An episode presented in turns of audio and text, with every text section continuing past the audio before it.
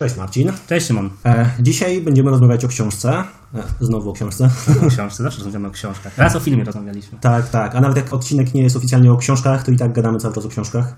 Tak, albo o rzeczach, które wyczytaliśmy w książkach, więc na jedno wychodzi. Tak, albo ktoś napisał artykuł na podstawie książki. e, więc jesteśmy trochę monotematyczni. E, ale dzisiaj będziemy rozmawiać o książce e, 23 rzeczy, których nie mówią Ci o kapitalizmie. Książkę, którą chyba rzadko się zdarza w naszych odcinkach. Przeczytaliśmy obaj. Tak, i przeczytaliśmy ją na papierze. Teraz uwaga. Mam nadzieję, że było słychać. To był dowód na to, że to była prawdziwa papierowa książka. Tak. W ogóle chyba czytamy ostatnio obaj głównie na papierze. Tak, tak, tak. E, Jest coś fajnego w tym, że to jest na papierze, nie świeci w oczy i można po prostu się skupić na tym, co jest napisane, a nie całą, e, całej reszcie przeszkadzajek dookoła. W ogóle chyba jest odwrót od e, książek cyfrowych. W sensie po kilku latach wzrostu liczby sprzedaży cyfrowych książek na, nastąpił taki powolny spadek, bo ja nawet widzę po sobie, że przestałem czytać elektroniczne książki. To Anegdotycznie mogę powiedzieć to samo o sobie. Ja nie wiem, jak wygląda cały, cały rynek, ale ja ewidentnie jakby jest mi bardzo ciężko czytać książki elektroniczne. Przestałem praktycznie, albo idzie mi to z ogromnym trudem, y, a papierowe y, są dla mnie ogromną wartością i nawet zacząłem się zastanawiać, jaka była wartość elektronicznych książek, poza tym, że można je dostać szybciej, co nie jest dla mnie argumentem żadnym, i że można czytać y, albo mieć setki książek czy tysiące książek na Kindle czy gdzieś, to też nie jest dla mnie żadnym argumentem, skoro mogę czytać jedną naraz. Więc w gruncie rzeczy papierowa książka do plecaka i ja jestem zadowolony. A w ogóle e, naukowo chyba udowodniono, że czytanie na papierze e, lepiej poprawia ci przyswajanie tego, co czytasz, bo twój mózg, mój też zresztą, pracu, pracuje w ten sposób, że zapamiętywanie to jest zapisywanie różnych rzeczy, łącznie z tym, jak trzymałeś książkę, gdzie ją trzymałeś i tak dalej, i tak ciekawe. I e, cyfrowa książka, w której na każdej stronie wykonujesz dokładnie ten sam gest, żeby przewinąć stronę i ekran zawsze jest ten sam, powoduje, że dużo trudniej ci zapamiętać to, Hmm. bo wszystko, bo strony różnią się tylko i wyłącznie literami, a nie różni się w ogóle oprawa, nie różni się to, jakim gest wykonywałeś i tak dalej. Okej, okej. No ciekawe, ja mam teraz na liście książek do przeczytania y, papierową książkę o tym, dlaczego czytanie papierowych książek jest lepsze, więc jakby czekam na alternatywą, alternatywną książkę y, elektroniczną o tym, dlaczego elektroniczne książki są lepsze, nie? Więc muszę mieć wyważony y, pogląd. A wracając do tematu, będziemy rozmawiać o książce, która wyrównuje, czy w mojej ocenie, bilansuje trochę moje podejście do tego, czym jest kapitalizm. E, Ten tytuł, którym, e, którym rozmawiamy, czyli te 23 rzeczy, których nie mówią ci o kapitalizmie, jest e, książką, którą jakby ja ją podsumowałem tak, że mi buduje trochę bardziej subtelny obraz rzeczywistości. Na ile te rzeczy, które opisane są w książce są prawdziwe, ja nie jestem w stanie zweryfikować, inaczej niż posługując się eksperckim okiem autora i kontrargumentów innych osób. Niemniej jest w niej sporo takich logicznych argumentów, które do mnie przemawiają. Ten tytuł... No, Ciekawe jest według mnie to w tej książce, że no bo tutaj jest mowa o pewnym określonym typie kapitalizmu, bo to nie chodzi o, o każdy kapitalizm. E, W tytule tego nie ma, ale autor to zaznacza na samym początku właściwie, że chodzi o, o taki wolnorynkowy, liberalny bardzo e, kapitalizm. Takim w amerykańskim stylu. Tak, Albo koreańskim. e, ale też polskim. No można powiedzieć, że polskim też. Tak. Bo jest tam taki jeden rozdział e, o bardziej papieskich od papieża i mam wrażenie, że my w naszym kapitalizmie jesteśmy bardziej papiescy od e, Anglików, a już na pewno od Niemców. Tak. I ten tytuł, on dla mnie jest taki memowy, taki e, Chyba zrobiony, zrobiony tak specjalnie pod publiczkę, żeby zahaczyć czyjąś uwagę. Natomiast treść jakby dla mnie jest zupełnie inna od tytułu, to znaczy ten tytuł nie współgra z treścią. No, nie, ja się nie zgodzę. Pierwszy raz w tym odcinku. To szybko poszło. E, Chodzi mi o to, że tytuł jest taki krzyczący. E, Nawet okładka, na którą patrzę, to jest taki klasyczny, e, symboliczny kapitalista z cygarem w meloniku i w ogóle złotymi zębami, który się uśmiecha do nas pospólstwa. Ale to, co jest w środku, jest z kolei autor.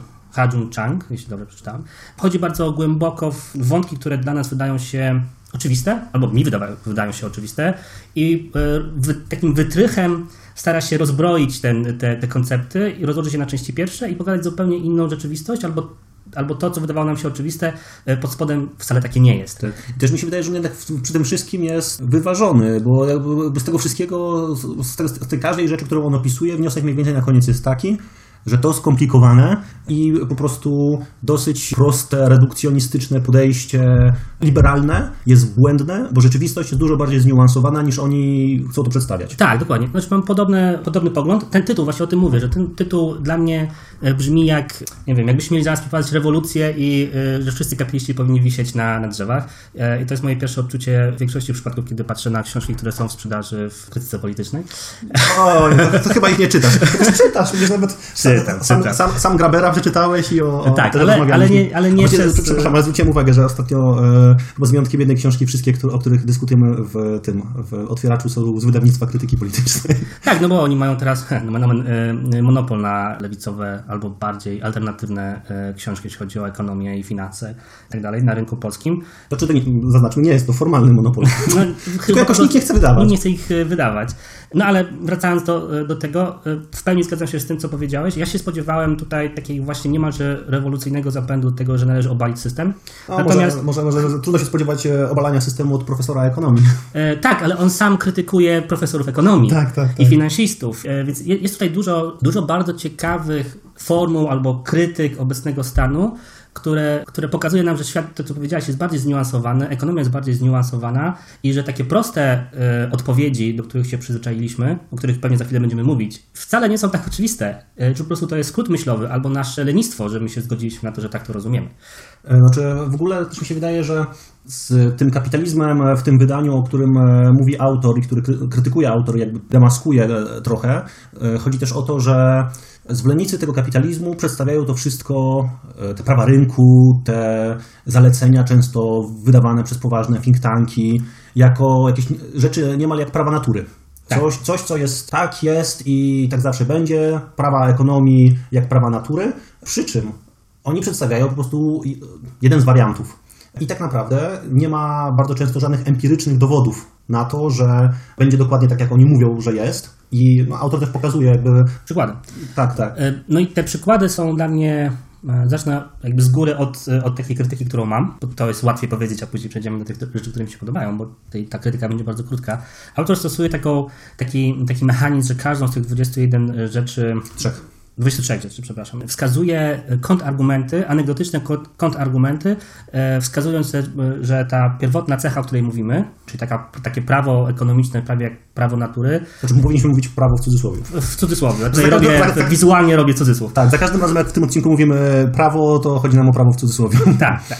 Czy jakąś dogmę ekonomiczną, to tak naprawdę pokazuje w, e, jakiś przykład e, z Finlandii, z, z Korei, z, z jakiegoś kraju afrykańskiego, czy nawet z jakiegoś okresu historycznego, w którym to, ta dogma w ogóle nie działała. W związku z tym całe prawo, czy ta dogma jest e, nieprawdziwa. I bardzo łatwo jest, e, idąc e, w taki zero-jedynkowy sposób, binarny sposób, stwierdzić, że faktycznie wszystko jest do wyrzucenia, do. Nie, nie do wyrzucenia, tylko e, no ja właśnie tutaj akurat będę bronił autora, bo autor zmaga się e, intelektualnie z właśnie ze zwolennikami wolnego rynku, którzy swoje zalecenia, swoją wizję ekonomii przedstawiają jako znowu niemal jak prawa natury, że zalecenia, które działają zawsze, więc oni tak naprawdę sami siebie wystawiają na bardzo prostą krytykę, no bo jeśli oni mówią, że to są uniwersalne prawa, e, no to wystarczy poka- po- pokazać pojedyncze przypadki, kiedy to nie działa, żeby podważyć e, uniwersalność tego. Tak, no to faktycznie, jeśli weźmy znaczy prawa, prawa natury, może przejdźmy bardziej do bardziej teoretycznych praw fizyki, nie? W sensie jakby kl- klasyczny mechanizm związany z tym, co nazywamy jakby pewnym prawem fizycznym, czy też prawdą naukową jest to, że sprawdza się niezależnie od tego, kto to bada i w jakich warunkach to bada, to zawsze to jest to stałe. A jeśli znajdziemy przypadek lokalny, w którym e, ta stała nie jest zachowana, to znaczy, że całe prawo jest bardziej subtelne i trzeba dobudować do niego jakiś, jakiś fragment, odrzucając e, wcześniejsze założenia. Podobną historię mamy tutaj, tylko autor wydaje mi się wpada sam w swoją własną pułapkę, bo teoretycznie mówię o tym, że rzeczy są bardziej zniuansowane i bardziej wielowarstwowe, a mimo to gdzieś tam przybija cały czas takie poczucie, że są to rzeczy, których my nie jesteśmy w stanie nigdy zbadać do końca i zweryfikować. No bo skala tych zjawisk jest też po prostu przeogromna. Więc powinniśmy zatrzymać się na tym, że nie będziemy w stanie tego zrozumieć, więc lepiej tego nie tykajmy. No nie, nie, nie, to ja takiego wrażenia nie odniosłem, ale też pamiętajmy, że to jest książka, która no, nie jest jakoś bardzo obszerna, ma być chyba taka przystępna dla każdego, dlatego on się bardziej skupił na wymienianiu stosunkowo dużej liczby tych rzeczy, takich popularnych memów, bo to dla mnie są takie właśnie memy, które czasem się słyszy od liberalnego kolegi przy piwie. Tak, tak, tak. E, Mam takiego jednego na myśli w tym momencie. On bardziej chyba chciał zrobić taki przegląd i obalenie wielu takich popularnych memów, niż pisać książkę dla ekonomistów. Tak, to prawda. I książka jest przystępna. Jest e, napisana prostym językiem, e, przyjaznym językiem, Ale nie głupio. ale nie głupio, więc e, też stawia pewien taki w miarę wysoki poziom, jeśli chodzi o sposób rozumowania i wyciągania wniosków. Więc naprawdę jest to ciekawa, ciekawa lektura. A więc może przejdźmy już do, Tak, do tak, samej tak. rzeczy. Mamy 23 rzeczy, których y, nie mówią nam o kapitalizmie. I My nie powiemy wam o wszystkich. nie powiemy wam o wszystkich, bo, książkę. bo zabraknie nam czasu, ale wybraliśmy sobie, y, przynajmniej ja sobie wybrałem kilka z nich, które z jednej strony dla mnie były, no, to są dwie kategorie. Po jednej stronie mam rzeczy, które nigdy dla mnie albo mi nie zostały ani na moich studiach, ani w innych y, książkach, które czytałem, wypowiedziane w ten sposób. I dopiero jak zostało tak wypowiedziane, to coś mi kliknęło w głowie. I kliknęło mi przy tej książce, kliknęło mi parę razy. I to jest ewenement. To znaczy, ja, czasami jest tak, że książka ma jeden, jedną swoją główną tezę i cała książka jest obudowana wokół tej tezy, żeby ją udowodnić I kilka tylko raz. i klika tylko raz. A w tej książce to jest tak pach, pach, pach, w ogóle nie powiem, że 23 razy, ale kilka razy tak, tak było i, to, i miałem taki poważny taki moment, że musiałem się zatrzymać, przeczytać to jeszcze raz, żeby mieć pewność, że faktycznie to przeczytałem i że później, że faktycznie wrócić po tych wszystkich krokach takich logicznych, żeby zrozumieć, że autor we, może, faktycznie może mieć rację. To jest pierwsza kategoria rzeczy. A druga kategoria y, rzeczy to są mm, tematy, których w ogóle nie wiedziałem. Że się nie spodziewałem, że takie rzeczy istnieją, albo że takie wnioski już kiedyś wyciągnięto, więc to była dla mnie totalna nowość.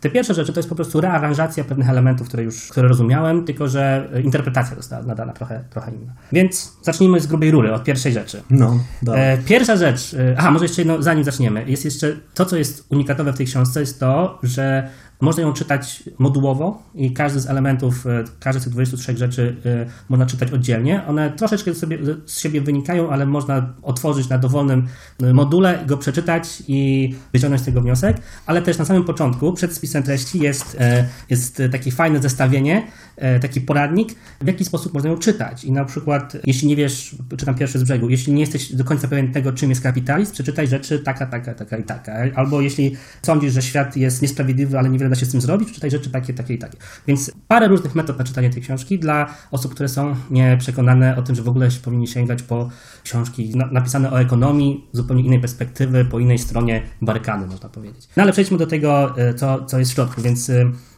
pierwsza rzecz, z grubej rury, też zrobione trochę tak pod publiczkę w mojej ocenie, ale Żeby przykuć uwagę żeby czytelnika. przykuć uwagę, tak, no, no okej. E, Zapomniałem, że rozmawiam z kierowcą.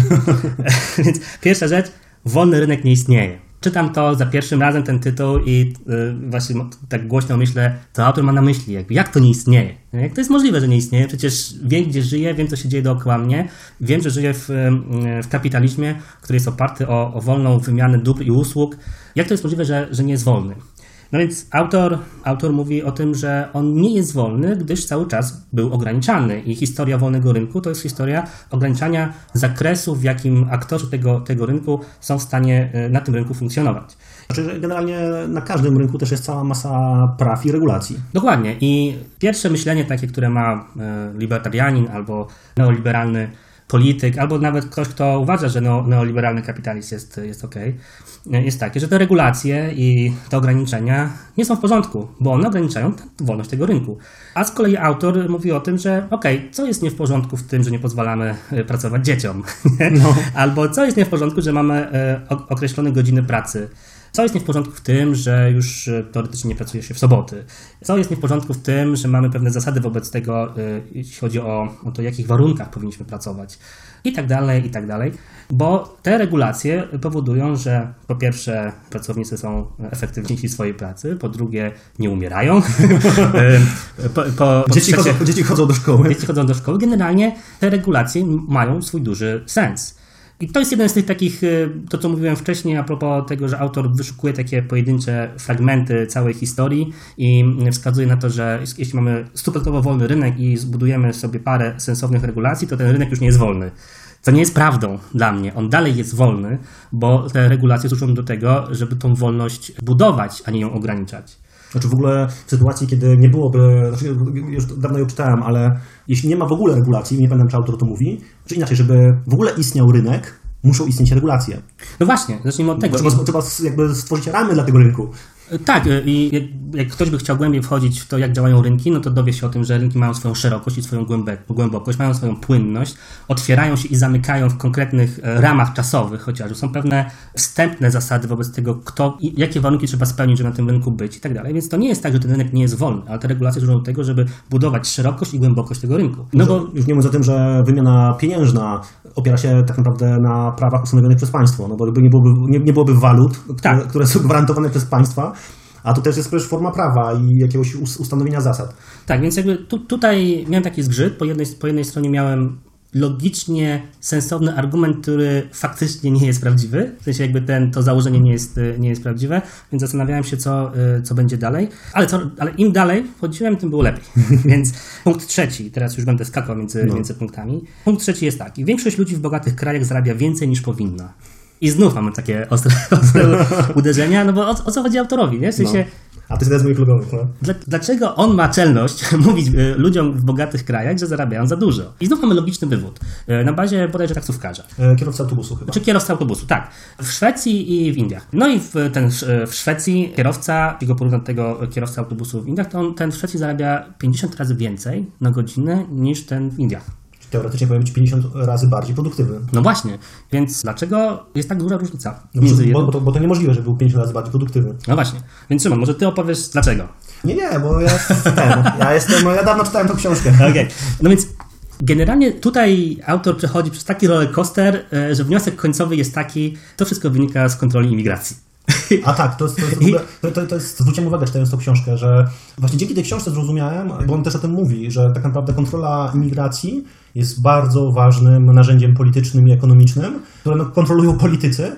No i jest to sposób na regulowanie ceny pracy, pracy na rynku. Dokładnie tak. To było dla mnie zaskoczenie. To jest, to jest ta kategoria rzeczy, o których nie wiedziałem, że o to tak naprawdę chodzi. Mhm. I ma sens, że to może o to chodzić. Załóżmy, że Szwedzi przy całej swojej dobroduszności e, otwierają swój rynek kierowców autobusów i teraz e, nagle setki tysięcy taksówkarzy czy też kierowców autobusów jest w stanie e, przyjechać do Szwecji i wysycić ten rynek i zabrać, realnie zabrać tę pracę e, szwedzkim kierowcom. I obniżyć stawki. I obniżyć stawki. Przecież e, doszłoby do rewolty w Szwecji. Nikt na to nie pozwoli. I co ciekawe, tutaj autor, patrząc na jego poglądy, wydawałoby się, że jest osobą, która jest za otwarciem wszystkich granic, pozwoleniem każdemu... A być może ty masz uproszczoną wizję jego poglądów. Możliwe. Że to, że to jest pakiet, który po prostu... Tak, tak mi się wydaje, że to jest taki pakiet, tego włożyłem pewien, pewną szufladkę i teraz wyobrażam sobie, że właśnie on powinien być, za, mówię o równości wszystkiego i wszędzie.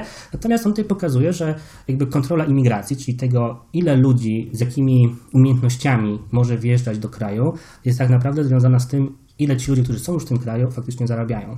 I na jakich stanowiskach, I na jakich które, które obszary rynku mają braki pracowników i tak dalej. Tak, więc chodzi o to, że e, Szwedom, znaczy państwie e, szwedzkim jest dobrze z tym, że dobrze, względnie dobrze z tym, że kierowca e, autobusu zarabia tak dużo. To jest, nawet gdybyśmy pominęli e, cały, mm, wszystko, co jest związane z koszykiem dóbr, które nabywa, z tym jakąś siłę nabywczą ma, ile kosztuje chleb tam i te wszystkie inne rzeczy, to i dalej by się okazało, że ten kierowca wielokrotnie więcej zarabia w Szwecji niż e, w Indiach. I e, gdybyśmy pozwolili na taki wolny przepływ ludzi między Szwecją a Indiami, to okej, okay, spadłaby potencjalnie cena, chociaż ciekawe, czy by spadła, nie, możliwe, że nie, cena biletów. Jest na pewno jeszcze płaca minimalna. No okej, okay, tylko że e, liczba e, kierowców byłaby tak duża, że generalnie doprowadziłaby do tego, że szwedzcy tak, e, kierowcy autobusów zarabialiby mniej. A to nie jest po drodze z państwem dobrobytu. No i też ludźmi, którzy po prostu głosują w wyborach. Dokładnie. Więc to mnie zaskoczyło. Nie myślałem, że można doprowadzić tak długą, taki wywód logiczny, zaczynając od, od tego, że ludzie zarabiają za dużo. A właśnie, dlaczego, dlaczego tak naprawdę za dużo? Dlatego, że tak jak sam powiedziałeś, E, nic nie wskazuje na to, że kierowca autobusu w Szwecji jest 50 razy skuteczniejszy w tym, co robi. Bardziej wydajny. Bardziej wydajny. Niż Wozi 50 razy więcej pasażerów, tak, 50, 50 razy szybciej. Tak, albo, albo 50 razy więcej godzin e, no. robi. Nie? Bo prawdopodobnie wyrabia podobny, podobny, e, podobny dystans. Co tylko pokazuje, jak pensje E, e, czyli to, co zarabiamy, jak może być rozdzielone od faktycznej wartości, którą, którą generujemy. Jak to jest pewien konstrukt i to nie jest od siebie zależne, co jest związane trochę z innymi punktami, które tutaj są, ale, ale nie będę do, wchodził już e, w szczegóły. Zrobimy bardzo duży, duży skok do następnego. No bo ja właśnie chciałem uzupełnić to, bo to też jest jedna rzecz, która miałem. Czy będziesz mówić o tym, dlaczego biedne kraje nie są biedne przez biednych ludzi?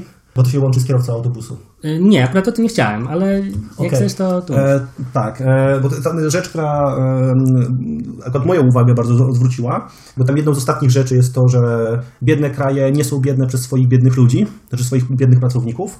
I autor zwraca uwagę na to, że tak jak tutaj w przykładzie tego e, kierowcy autobusu ze Szwecji i z Indii, to, że kierowca w Indiach zarabia tak mało, to nie wynika z tego, że on jest 50 razy mniej produktywny od tego szwedzkiego kierowcy, tylko to jest związane z właściwie konstrukcją całej e, gospodarki indyjskiej, cen na tamtejszym rynku itd., tak itd. Tak Na produktywność całej gospodarki dużo większy wpływ mają kompetencje, know-how, kapitał tych najbogatszych, bo to oni w pewien sposób decydują o organizacji pracy, organizacji produkcji i tak.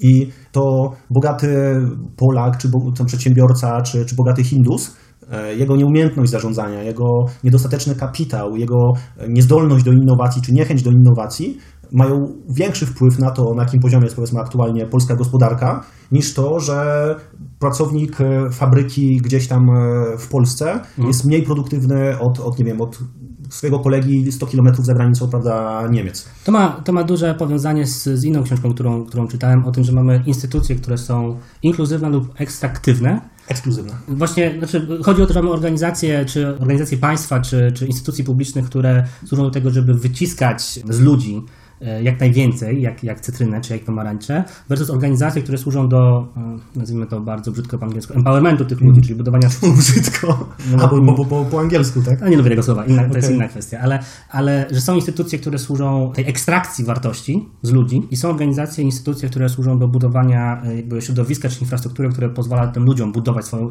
tą, tą wartość dla, dla siebie i to też buduje jakby kapitał ludzki całego, całego społeczeństwa. Ale to, to, co powiedziałeś, łączy się z następnym punktem, o którym ja chciałem, czyli punkt 15. E, ludzie w biednych krajach są bardziej przedsiębiorczy niż ludzie w krajach bogatych. O, tak, tak, tak, to też jest dobre. To mnie urzekło i ja nie potrafiłem jakby mi świtało w głowie, że coś takiego istnieje i że to, że to jest prawda, ale nie potrafiłem tego w tak e, elokwentny sposób wyjaśnić i powiedzieć jak, jak autor.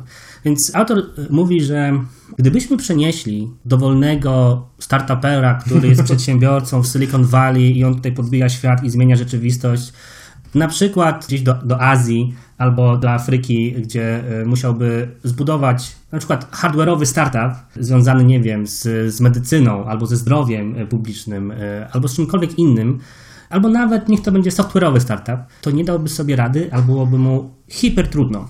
Dlatego, że ten startuper, będąc w Silicon Valley, nie musi walczyć z korupcją w większości przypadków, nie musi walczyć e, z taryfami nałożonymi e, e, przez, na jego kraj przez Amerykę. Amerykę na przykład. Wszystkie instytucje dookoła niego go wspomagają, ma ekosystem dookoła siebie zbudowany, ma narzędzia, ma takie podstawowe rzeczy jak prąd i wodę, samochód i jakby dobre autostrady i drogi i komunikację, ma wszystko, czego potrzebuje, żeby ten swój biznes zbudować, więc jemu jest łatwo.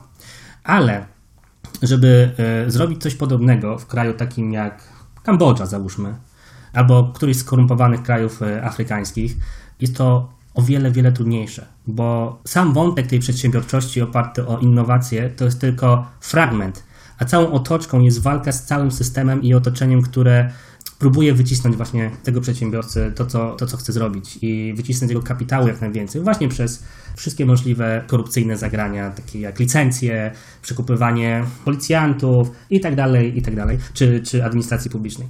Więc, więc w ogóle nie mamy co porównywać przedsiębiorczości ludzi w Stanach, z tymi właśnie w Kambodży. Znaczy, Plus, i, te, i, też nie powinniśmy deprecjonować, e, deprecjonować tych, tak. tych, przedsiębiorców właśnie w innych krajach. Dokładnie tak. I twierdzić, że to prawda, jedyny słuszny sposób na przedsiębiorczość to jest, to jest w tym, to jest u nas na przykład. E, dokładnie. Czy po swoją drogą przedsiębiorczość, z tego co pamiętam, to według definicji, no to jest po prostu jakaś tam zdolność do e, rozwiązywania problemów, mając jakieś tam określone zasoby. Tak. Więc w sytuacji, kiedy masz więcej problemów i masz mniej zasobów, a nadal potrafisz je rozwiązywać, no to jesteś kurczę całkiem przedsiębiorczy chyba. Tak, i jeszcze autor mówi, że to nie jest koniec, bo są kraje, w których nie da się nie być przedsiębiorczymi, tak. żeby przeżyć. Nie? W sensie. I nie mówimy o robieniu biznesu, tylko Nie mówimy o robieniu biznesu i o tym, żeby zarabiać więcej pieniędzy, tylko o tym, żeby w ogóle mieć jedzenie. Więc są kraje, w których wszyscy muszą być przedsiębiorczy, żeby... Szczególnie, że chyba, już nie pamiętam nazwy kraju, ale on podaje jakiś kraj, w którym teoretycznie gdzieś tam 70 czy 80% ludzi ma status właściwie jednoosobowej działalności, działalności gospodarczej. gospodarczej. Dokładnie tak. I więc e, jakby nie ma, e, to nie jest dobrym sposobem, żeby badać e, jakość gospodarki tym, jak bardzo ludzie są przedsiębiorczy. Wręcz przeciwnie, należy powiedzieć, no to oczywiście tutaj jest taka gwiazdka, robię w powietrzu gwiazdkę teraz, że e, wręcz przeciwnie, kraje, w których e, ta jednoosobowa przedsiębiorczość, e, bycie jednoosobowym przedsiębiorcą jest na najniższym poziomie, to są te kraje najbardziej rozwinięte. Tak, tak, tak, tak, że właśnie, bo no to faktycznie, że w sytuacji, kiedy masz, nie wiem, 70% kraju jako jednoosobowe działalności gospodarcze, to no, nie masz dużej organizacji, która może zgromadzić know-how, nie jesteś w stanie zgromadzić dużego zespołu i tak dalej. No i faktycznie, co, co mnie, ja sobie o tym przy, przykładzie zawsze przypominam, jak kolejni politycy w Polsce zamierzają wspierać zakładanie kolejnych firm przez młodych ludzi i generalnie no, w Polsce jest dużo takiego nacisku, że niech każdy zakłada firmę, hashtag załóż firmę, a tu się okazuje, że, że to wcale nie jest dla gospodarki super. No właśnie. No w, Pol w, Polsce odnoszę wrażenie, że zakładanie jednoosobowej działalności gospodarczej i dopłaty do tego to jest jakiś sposób państwa na radzenie sobie z bezrobociem. Tak, i to jest tylko. I tutaj wracamy do jednego z naszych pierwszych odcinków, jeśli ktoś e, słuchał, to macie medal, o tym, co warto mierzyć, a te, czego nie warto mierzyć, bo ograniczanie e, bezrobocia przez zakładanie jednoosobowej działalności e, gospodarczej to jest tylko przesuwanie problemu w inne miejsce. To nie jest faktyczne rozwiązywanie go, bo i to jest rzecz, która dla mnie jest takim, taką parasolową ideą wokół, wokół tej książki, tych wszystkich, większości tych przykładów, jest takie, że sedno tkwi w, w organizacji, w masowej organizacji i komunikacji ludzi ze sobą pra, pracujących. Pracy, pracy ludzi też, tak? Tak, pracy ludzi. Nie tylko tych pracujących umysłowo, ale także tych pracujących w bardziej manualnych zawodach. Że my musimy, prawdziwą miarą rozwoju gospodarczego jest koordynacja i komunikacja dużych mas ludzi w dużych organizacjach. Tak. I tego nie mierzy się w byciu e, przedsiębiorcą, czy ilością założonych firm. To nie jest, to nie jest tego funkcja. To powinno się mierzyć zupełnie innymi metrykami, chociaż jakby mówi się to o takiej przedsiębiorczości wewnętrznej, wewnątrz organizacji, czy też radzenia sobie z problemami, będąc w dużej organizacji. Natomiast bycie małą organizacją typu jednoosobową na rynku nie stanowi żadnego, nie koreluje się w żaden sposób z bogactwem e, kraju czy, czy narodu. A być może nawet odwrotnie. Wychodzi na to, że odwrotnie, właśnie. Przechodzimy dalej i to jest następny punkt, który był dla mnie z kolei tak, z tego pierwszego gatunku rzeczy, które zostały inaczej powiedziane i zaczęły mieć dla mnie sens. Punkt 16. Nie jesteśmy wystarczająco mądrzy, żeby zdać się na rynek. O, no.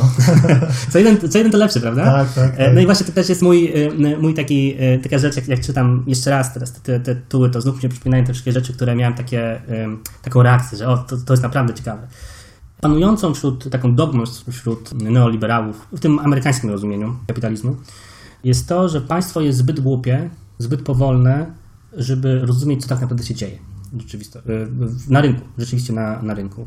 I autor tutaj mówi, że to nie ma znaczenia. no, to jest najlepsze, bo mógłbym mówić, że państwo jest mądre, a on mówi, to nie ma znaczenia. tak, dokładnie. Już abstrahując od tego, że są dowody na to, że administracja publiczna wcale nie jest tak nieefektywna, jak się nam wydaje. Tak. A propos administracji, też nie pamiętam, czy to jest w tej książce, czy nie, ale kiedyś czytałem na pewno fantastyczny wywiad z jakimś tam ekonomistą i, badaczem, niestety nie pamiętam nazwiska, ale on mówił o czymś takim, że w sytuacji, kiedy masz urzędnika państwowego, który przynajmniej według jego umowy o pracę, według jakby reguł organizacji, w której działa, ma kilka celów do realizacji, które zakładają dobro wspólne, jakieś tam określone rozwój jakiejś dziedziny itd., tak itd. Tak I versus masz człowieka, którego jedyną motywacją jest zysk to dlaczego myślisz, że gość, któremu powiedziano, że liczy się tylko i wyłącznie zysk, zrobi więcej dla twojego dobra niż ten drugi człowiek? Tamten, hmm. tamten drugi też może być bardzo interesowny, ale przynajmniej teoretycznie istnieją jeszcze jakieś inne motywacje jego organizacji. I jakbym miał zakładać, e, która z tych dwóch organizacji ma większą szansę na to, że zrobi coś jednak pożytecznego dla mnie, to stawiam na tych, którzy nie działają tylko i wyłącznie w oparciu o zysk. Mhm. No i tutaj, tutaj mamy taki, taki argument, taki tok, e, tok e, myślowy. Załóżmy, że nie jesteśmy wystarczająco mądrzy, żeby zdać się, zdać się na rynek. No, chyba, nie, chyba nie musimy tego zakładać. Nie musimy tego, tego zakładać. I tutaj są przykłady, jest, jest fantastyczny przykład, który... Z, no, z noblistami, którzy utopili trzy tak, fundusze inwestycyjne. Ja, ja, tak, ja, ja, pamiętam, pamiętam to, bo czytałem, nie może być odcinka, w którym nie wspomnimy o Talebie oczywiście.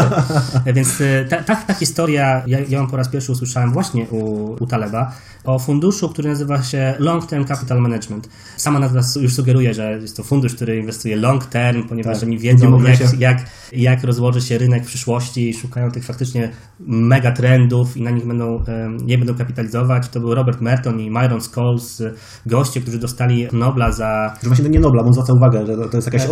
o, nagroda, która ma Nobla w nazwie, ale nie, nie, tak. nie jest tym ekonomicznym Noblem. No, no tak, no, tutaj skrót myślowy. Niemniej jakby fundusz utopił, mimo tego, że miał e, wśród swoich założycieli, głównych doradców, ludzi, którzy jakby byli na szczycie ekspertów, jeśli chodzi o balansowanie portfeli inwestycyjnych i stworzyli ogromne formuły na ten temat i, i równania, które mają służyć jakby e, predykcji tego, co będzie działo się na rynku.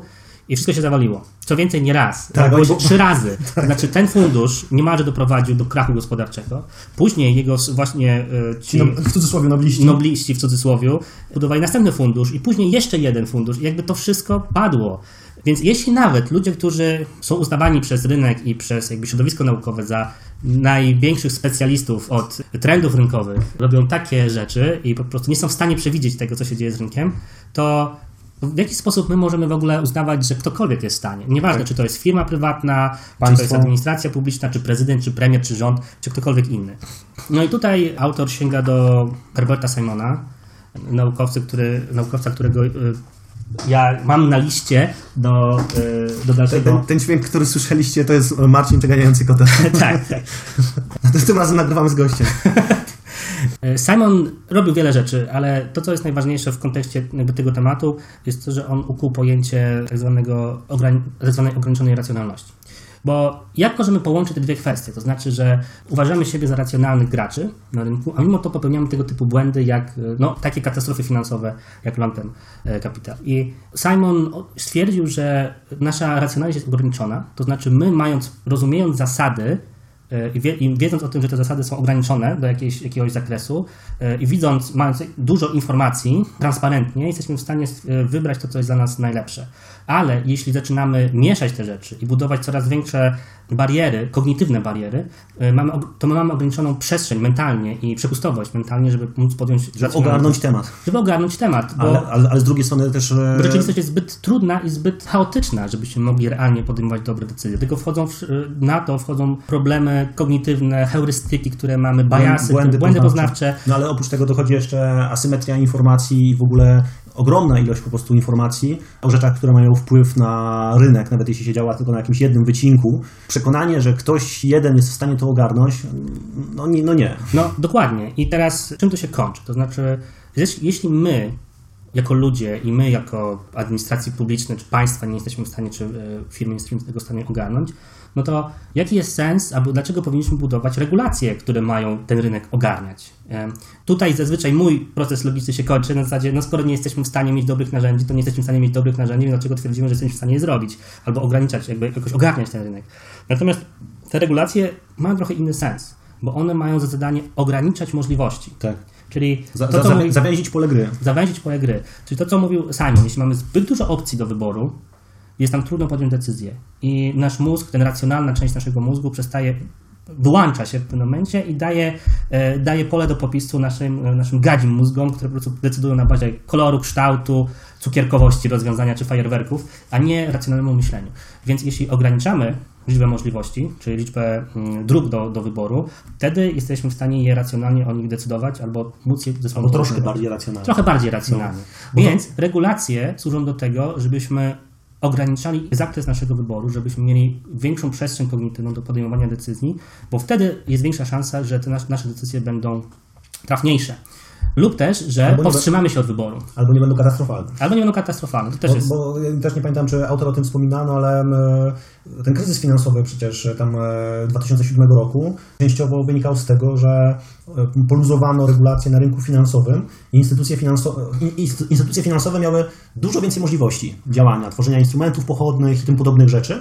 I się w którymś momencie okazało, co pokazują fajnie niektóre dokumenty i filmy, które gdzieś tam e, pokazują ten moment kryzysu, że nawet zarządzający tymi funduszami nie rozumieli, co się dzieje i co, co oni właściwie do końca robią. Tak, no generalnie w tym, w tym przypadku, w tym, w tym punkcie jest sporo takich dykteryjek i, i anegdotycznych przykładów o tym e, typu. W pewnym momencie nawet e, brytyjska królowa się zapytała, o co chodzi, co się dzieje, jakby dlaczego nikt nie przewidział tego kryzysu. No i po bardzo długiej debacie jakby naukowców i ministrów i ekonomistów królowa dostała e, list z, jakby z wytłumaczeniem, nikt nie wie, dlaczego tak się stało. jakby to była odpowiedź. Tak, a to tak samo pamiętam chyba Alan Greenspan, szef amerykańskiego banku centralnego, też gdzieś tam, jak ten kryzys, kryzys wybuchł, to on się przyznał, że, że on nie rozumie, że kroki, które podjęli jakieś tam zaradcze nie działają i on nie rozumie, bo to łamie jakieś tam reguły, które on uważał, że przez kilkadziesiąt lat działały. No, no właśnie, I, więc te regulacje regulują, ograniczają po to, żebyśmy, żeby, żeby wszyscy gracze na rynku wiedzieli, jakie mają możliwości. To też jest to, o czym wspomniałeś, ta asymetria informacji. E, To też chodzi o to, żeby budować środowisko, w którym wszyscy mają równe pole gry, czyli że Znaczy, bo, bo tak nie mówmy o ideale, no bo ideał nie jest możliwy, ale Tak. zwiększyć trochę szanse na na tą równą, równą grę. To znaczy, żeby nie było sytuacji, w której e, niektórzy gracze na, na rynku, dysponując ogromną siłą, e, przewagą informacyjną e, czy dostępem do, do, i do kapitału, i do polityków i tak dalej, mogli jakby kształtować rynek albo decydować na bazie asymetrii tej informacji. Więc do tego służą właśnie te, te regulacje. To, było, to właśnie było ciekawe, ciekawe podejście, o którym nie myślałem. Ograniczenie wyboru ma znaczenie do jakości wyboru. Aha, no dobra. To bo, no z tym się łączy jeszcze jedna rzecz, e, chyba jedna z ostatnich, o tym, że rynki są. Duża efektywność rynku wcale nie jest dobra. Tak, to rynki, czyli punkt 22, rynki finansowe powinny być mniej, a nie bardziej efektywne. Tak, i to mi się skojarzyło z naszym odcinkiem o friction, o oporze, tarciu, e, bo generalnie autor e, mówi e, w tym rozdziale o tym, że efektywność rynków finansowych mierzona, nie wiem, tempem przepływu kapitału, wielkością transakcji, szybkością operacji, szybkością operacji albo nie wiem, tam z tempem, w jakim fundusze czy, czy gracze finansowi uzyskują zyski, to wcale nie jest czymś dobrym dla całej gospodarki. Bo w sytuacji, kiedy kapitał jest w stanie błyskawicznie przelatywać przez granicę i na przykład mamy, nie wiem, fabrykę w Polsce, którą da się sprzedać w ciągu, nie wiem, 12 godzin i te pieniądze włożyć w coś innego, po czym te pieniądze znowu pójdą gdzieś, gdzieś indziej, nie da się budować długotrwałych biznesów. Nie da się budować jakiejś przewidywalnej przyszłości w ogóle. On stawia też hipotezę, że właśnie zbyt duża efektywność rynków e, odpowiada za, za kryzys finansowy, e, bo po prostu zbyt, zbyt łatwo było obracać pieniędzmi, inwestowano w inny sposób po prostu. Przestano w ogóle inwestować w długoletnie projekty, ale bardziej się opłaca robić szybkie strzały i, i, bawić się instrumentami finansowymi. Tak, znaczy to, to był jeszcze inny temat, że bardziej się opłaca, tutaj był przykład bodajże GM albo Forda, który y, produkuje, nam się wydaje, że produkuje samochody, a tak naprawdę już to jest tylko mniejsza część ich biznesu, bo o wiele ciekawszą i bardziej intratną są ubezpieczenia i finansowanie samochodów, bo to też jest biznes, który ma mniejszy, no friction właśnie, czyli mniej rzeczy trzeba zrobić i nie trzeba stawiać żadnej fabryki, żeby dać komuś ubezpieczenie albo finansowanie, czyli wziąć swojego, kawałek swojego kapitału i później dać komuś kredyt i ten ktoś spłaca ten kredyt z nawiązką jeszcze. E, to jest o wiele łatwiejsze. Więc okazuje się, że te e, ramię finansowe firm motoryzacyjnych jest coraz ważniejsze i bodaj nie pamiętam w którym. Tak, finansowe, tak, tak. No. Nie pamiętam w którym przykładzie, ale już stanowi większość całego biznesu. Czyli... To, nie, to, to chyba chodziło o GM, które w końcu chyba zbankrutowało, a autor podaje przykład, że w którymś momencie większość zysków chyba tak, pochodziła, tak. pochodziła z operacji finansowych, ale z drugiej strony po prostu też e, dokonywano całkiem niezłej inżynierii na wynikach finansowych spółki, żeby to wygenerować. To prawda. To, o czym mówiłeś, to był punkt 22, a ja chciałem jeszcze wrócić do punktu 19. 19 to będzie ostatni z tej listy, e, żeby nie robić wam zbyt dużych spoilerów przy całą książkę. No właśnie, bo jest tam dużo. Warto ją przeczytać. Warto ją przeczytać. Punkt 19 to jest e, choć komunizm upadł, wciąż żyjemy w gospodarkach planowanych. O, to, to jest... kiedyś rozmawialiśmy o tym też na tym, na, na fejsie, jak bardzo współczesna gospodarka jest sterowana. Tak. No. I to jest znów, znów taka rzecz, którą jak się wypowie głośno, to dopiero po pewnym czasie zaczyna się rozumieć, co tak naprawdę oznacza. Oczywiście autor, y, ja cały czas uważam go za krypto, trochę kryptokomunistę, ja chciałem wszystko sterowane, ale ale załóżmy, że tak nie jest. I, e... no to jest, to, przepraszam, ale to jest sposób kolejny powszechny błąd, że wszystkich, którzy nie są neoliberałami, nazywają komunistami. Nie, nie, oczywiście żartuję w tym momencie. No, no trochę nie żartuję. Trochę nie żartuję. Sami zdecydujcie po przeczytaniu tej książki. Autor mimo wszystko uważa, że wciąż żyjemy w gospodarkach planowanych i definiuje to, to znaczy. Oczywiście zaczyna od tego, że planowane, gospodarki planowane w stylu komunistycznym e, upadły i się zdegradowały, nie miały żadnego sensu, bo nie da się centralistycznie planować gospodarki takiej jak całej, w kluczowych fragmentach, takich jak e, Związek Radziecki chociażby, bo jest zbyt dużo, to między to, o czym rozmawialiśmy wcześniej, takiego narzutu kognitywnego, żeby ktoś mógł te decyzje samodzielnie podejmować, nawet mając ogromne biuro i doradców dookoła siebie. Natomiast e, my cały czas takich żyjemy w takich organizacjach. Firmy, w których pracujemy, pracujecie, są odgórnie centralnie planowane, ponieważ te firmy mają swoją wizję, swoje strategie, które są ustalane na parę lat do przodu. I, I to czasem w skali globalnej. No właśnie, i teraz czym się różnią te strategie na parę lat do przodu od y, tak zwanych pięcioletnich planów, które były w PRL-u bodajże. Nie? Jakby to praktycznie jest to samo, tylko skala może być ewentualnie trochę inna, choć te największe korporacje obecnie są w skali już kraju. No właśnie, bo to jest trochę taka sytuacja, że ok, nie planuje tego państwo, ale planuje to, planują to tysiące podmiotów na całym świecie i my żyjemy, że tak powiem, w cieniu wszystkich tych firm, no bo jakby hmm. w, w, takim sensie cieniu, że no każdy z nas działa na rynku, na którym działają również tamte firmy realizujące swoje pięciolatki. Tak, no i teraz to taki argument, który kiedyś, jak byłem na studiach, miałem zajęcia z systemów politycznych, to też stanowiło dla mnie taki aha moment, kiedy e, usłyszałem, że wprawdzie żyjemy w demokracji, ale partie polityczne wcale nie są demokratyczne. One są autorytarne wewnętrznie. E, natomiast jako aktorzy żyją w systemie e, demokratycznym. I to dzieje się także tutaj. Mamy teoretycznie wolny, wolny, niewolny rynek, jak słyszeliśmy, i mamy organizacje, które są wewnętrznie sterowane i są centralnie sterowane przez zarząd, przez prezesa. Autor tutaj pokazuje przykład, że przecież co byśmy myśleli o prezesie, który wychodzi i mówi róbcie co chcecie, jakby mam nadzieję, że rozumiecie o co nam chodzi i teraz dbajcie o, o wartość tej spółki tak, żeby cały czas rosła. tak, tak. Gdyby, Przecież... gdyby był wolny rynek wewnątrz organizacji. No właśnie, natomiast nie ma wolnego rynku wewnątrz organizacji, ponieważ organizacja musi coś mierzyć, musi coś przewidywać, musi wiedzieć, że bardziej chce iść w tą czy w tą stronę, na, wchodzić na ten rynek lub na, na inny i żeby to zrobić, musi się skoordynować wewnętrznie, żeby zbudować tą, następne brzydkie słowo, synergię wewnątrz. Do tego jest potrzebna pewna, pewna spójność. Więc pewne w ogóle, jakiś plan w ogóle. Jakiś plan. Dokładnie. Inaczej to, to się nie udaje, ponieważ pewne rzeczy muszą być narzucone z góry, ponieważ y, członkowie tych zespo- tego zespołu czy tych zespołów zbyt dużo czasu będą tracić na to, żeby zrozumieć o co im chodzi. Więc musi być wspólny nawias, wspólna klamra nad, nad tym wszystkim. Więc, ale to już nawet nie jest to, nie tylko to, ponieważ wcale nie stało się tak, że administracja publiczna przestała planować. przestała planować. Spójrzmy na drogi, na systemy w ogóle wsparcia, czy nawet na miasta, skąd miasto bierze wodę, albo skąd cały system związany ze strażą pożarną, czy z wodem śmieci. To nie jest tak, że to nie zostało zaplanowane. No, każdy, to jest planowane. Też, też każda większa reforma przecież e, w państwie. No właśnie, więc no, jakby... takich reform, które są robione w ciągu roku szkolnego. E, więc możemy pożegnać się z tą mrzonką, że nie żyjemy w gospodarkach, które nie są planowane. Ona jest planowana, tylko że poziom tego planowania zszedł z takiego totalitarnego, autorytarnego podejścia, gdzie jest jeden podmiot, który decyduje o wszystkim, o parę stopni w dół. Natomiast no. to dalej jest planowane. A też a propos tego, bo wspomniałem tą naszą dyskusję na temat e, centralnego planowania, bo my rozmawialiśmy z kolei wtedy o, z tego co pamiętam, głównie firmach informatycznych, no takich chociażby jak Facebook. No i teraz w sytuacji, kiedy mamy Facebooka, który ma 2 miliardy użytkowników i ma jakąś swoją, z jednej strony strategię, a z drugiej strony po prostu bardzo ściśle określone reguły interakcji 2 miliardów ludzi na platformie, ma rynek wewnętrzny reklam, który, umówmy się, też nie jest wolny, bo to Facebook sobie decyduje o tym, o tym rynku i tam mogą być jakieś licytacje i tak dalej, ale nikt, nikt no nie ma audytorów zewnętrznych, którzy to weryfikują. I teraz e, wizja wymyślona przez zarząd Facebooka, e, jakiś ich centralny plan, dotyka naprawdę dwóch miliardów ludzi na świecie i nie było do tej pory na świecie innego centralnie planowanego tak ogromnego systemu.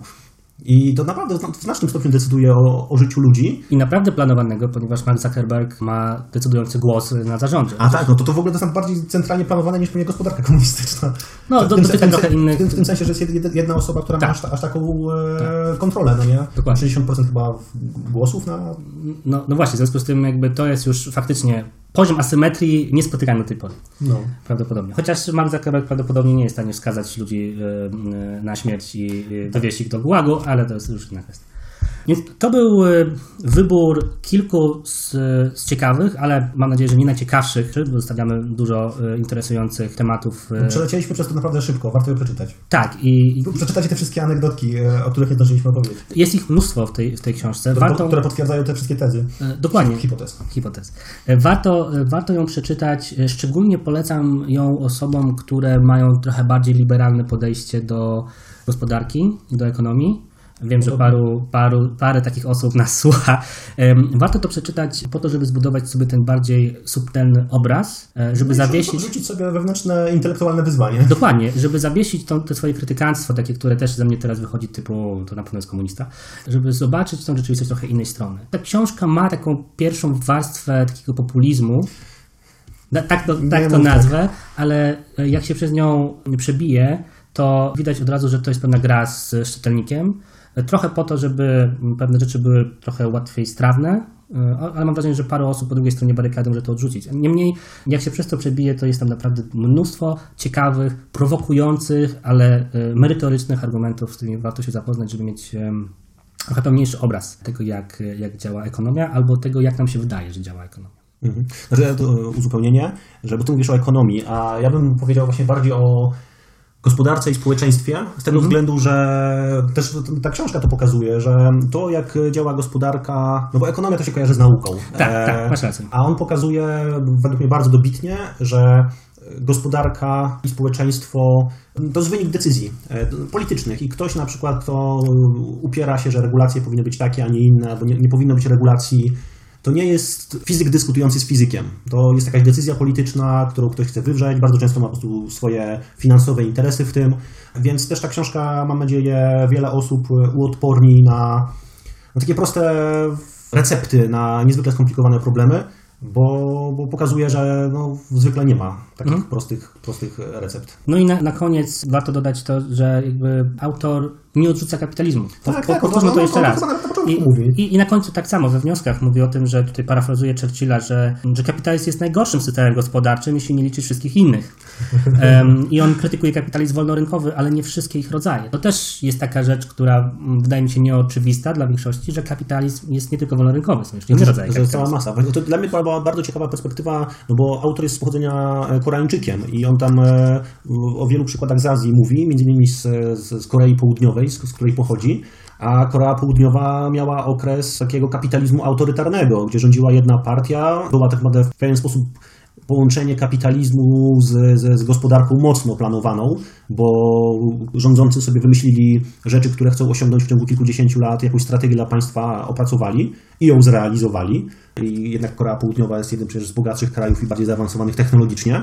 I to tak naprawdę pokazuje, a cały ten rozwój dokonał się wcale nie na bardzo liberalnym rynku. Mhm. Więc kończąc, e, już sumując naszą, naszą dzisiejszą dyskusję, ja bardzo mocno polecam. Zakładam, że Szymon jest nawet jeszcze mocniej. Tak, tak. Um... o, to rzadka okazja, kiedy się zgadzamy. tak. Tylko ja trochę bardziej. tak, tak. Warto, niech nie zraża Was e, okładka z tym symbolicznym, złym kapitalistą. Może Łatwo się czyta. To jest symboliczny, liberalny kapitalista. tak. Neoliberalny. Łatwo się czyta. Ja miałem taki wniosek na koniec, że każdy z tych 23 rzeczy dałoby się spokojnie zmieścić na jednej karcie, na której po jednej stronie jest teza. Nie, nie, nie, bo on ma taką konstrukcję, że co Ci mówią, czego co Ci nie mówią, czego Ci nie mówią i później wyjaśnienie. I dałoby tak. się to zmieścić zmieścić w jednej karcie i po prostu w momencie, w którym ktoś stawia taką prostą, proste zdanie, wolny rynek rozwiąże każdy problem, przeczytać taką kartę. Przeczytaj sobie, i, przeczytaj sobie to. I, i, to, i, I to wystarczy. E... Chciałbym, żeby to było takie proste. No, rzeczy nie są takie proste. tak, jedna karta dla pancerów. Okej, okay, chyba tym e, akcentem możemy skończyć e, no. dzisiejszy odcinek. Dzięki. Dzięki.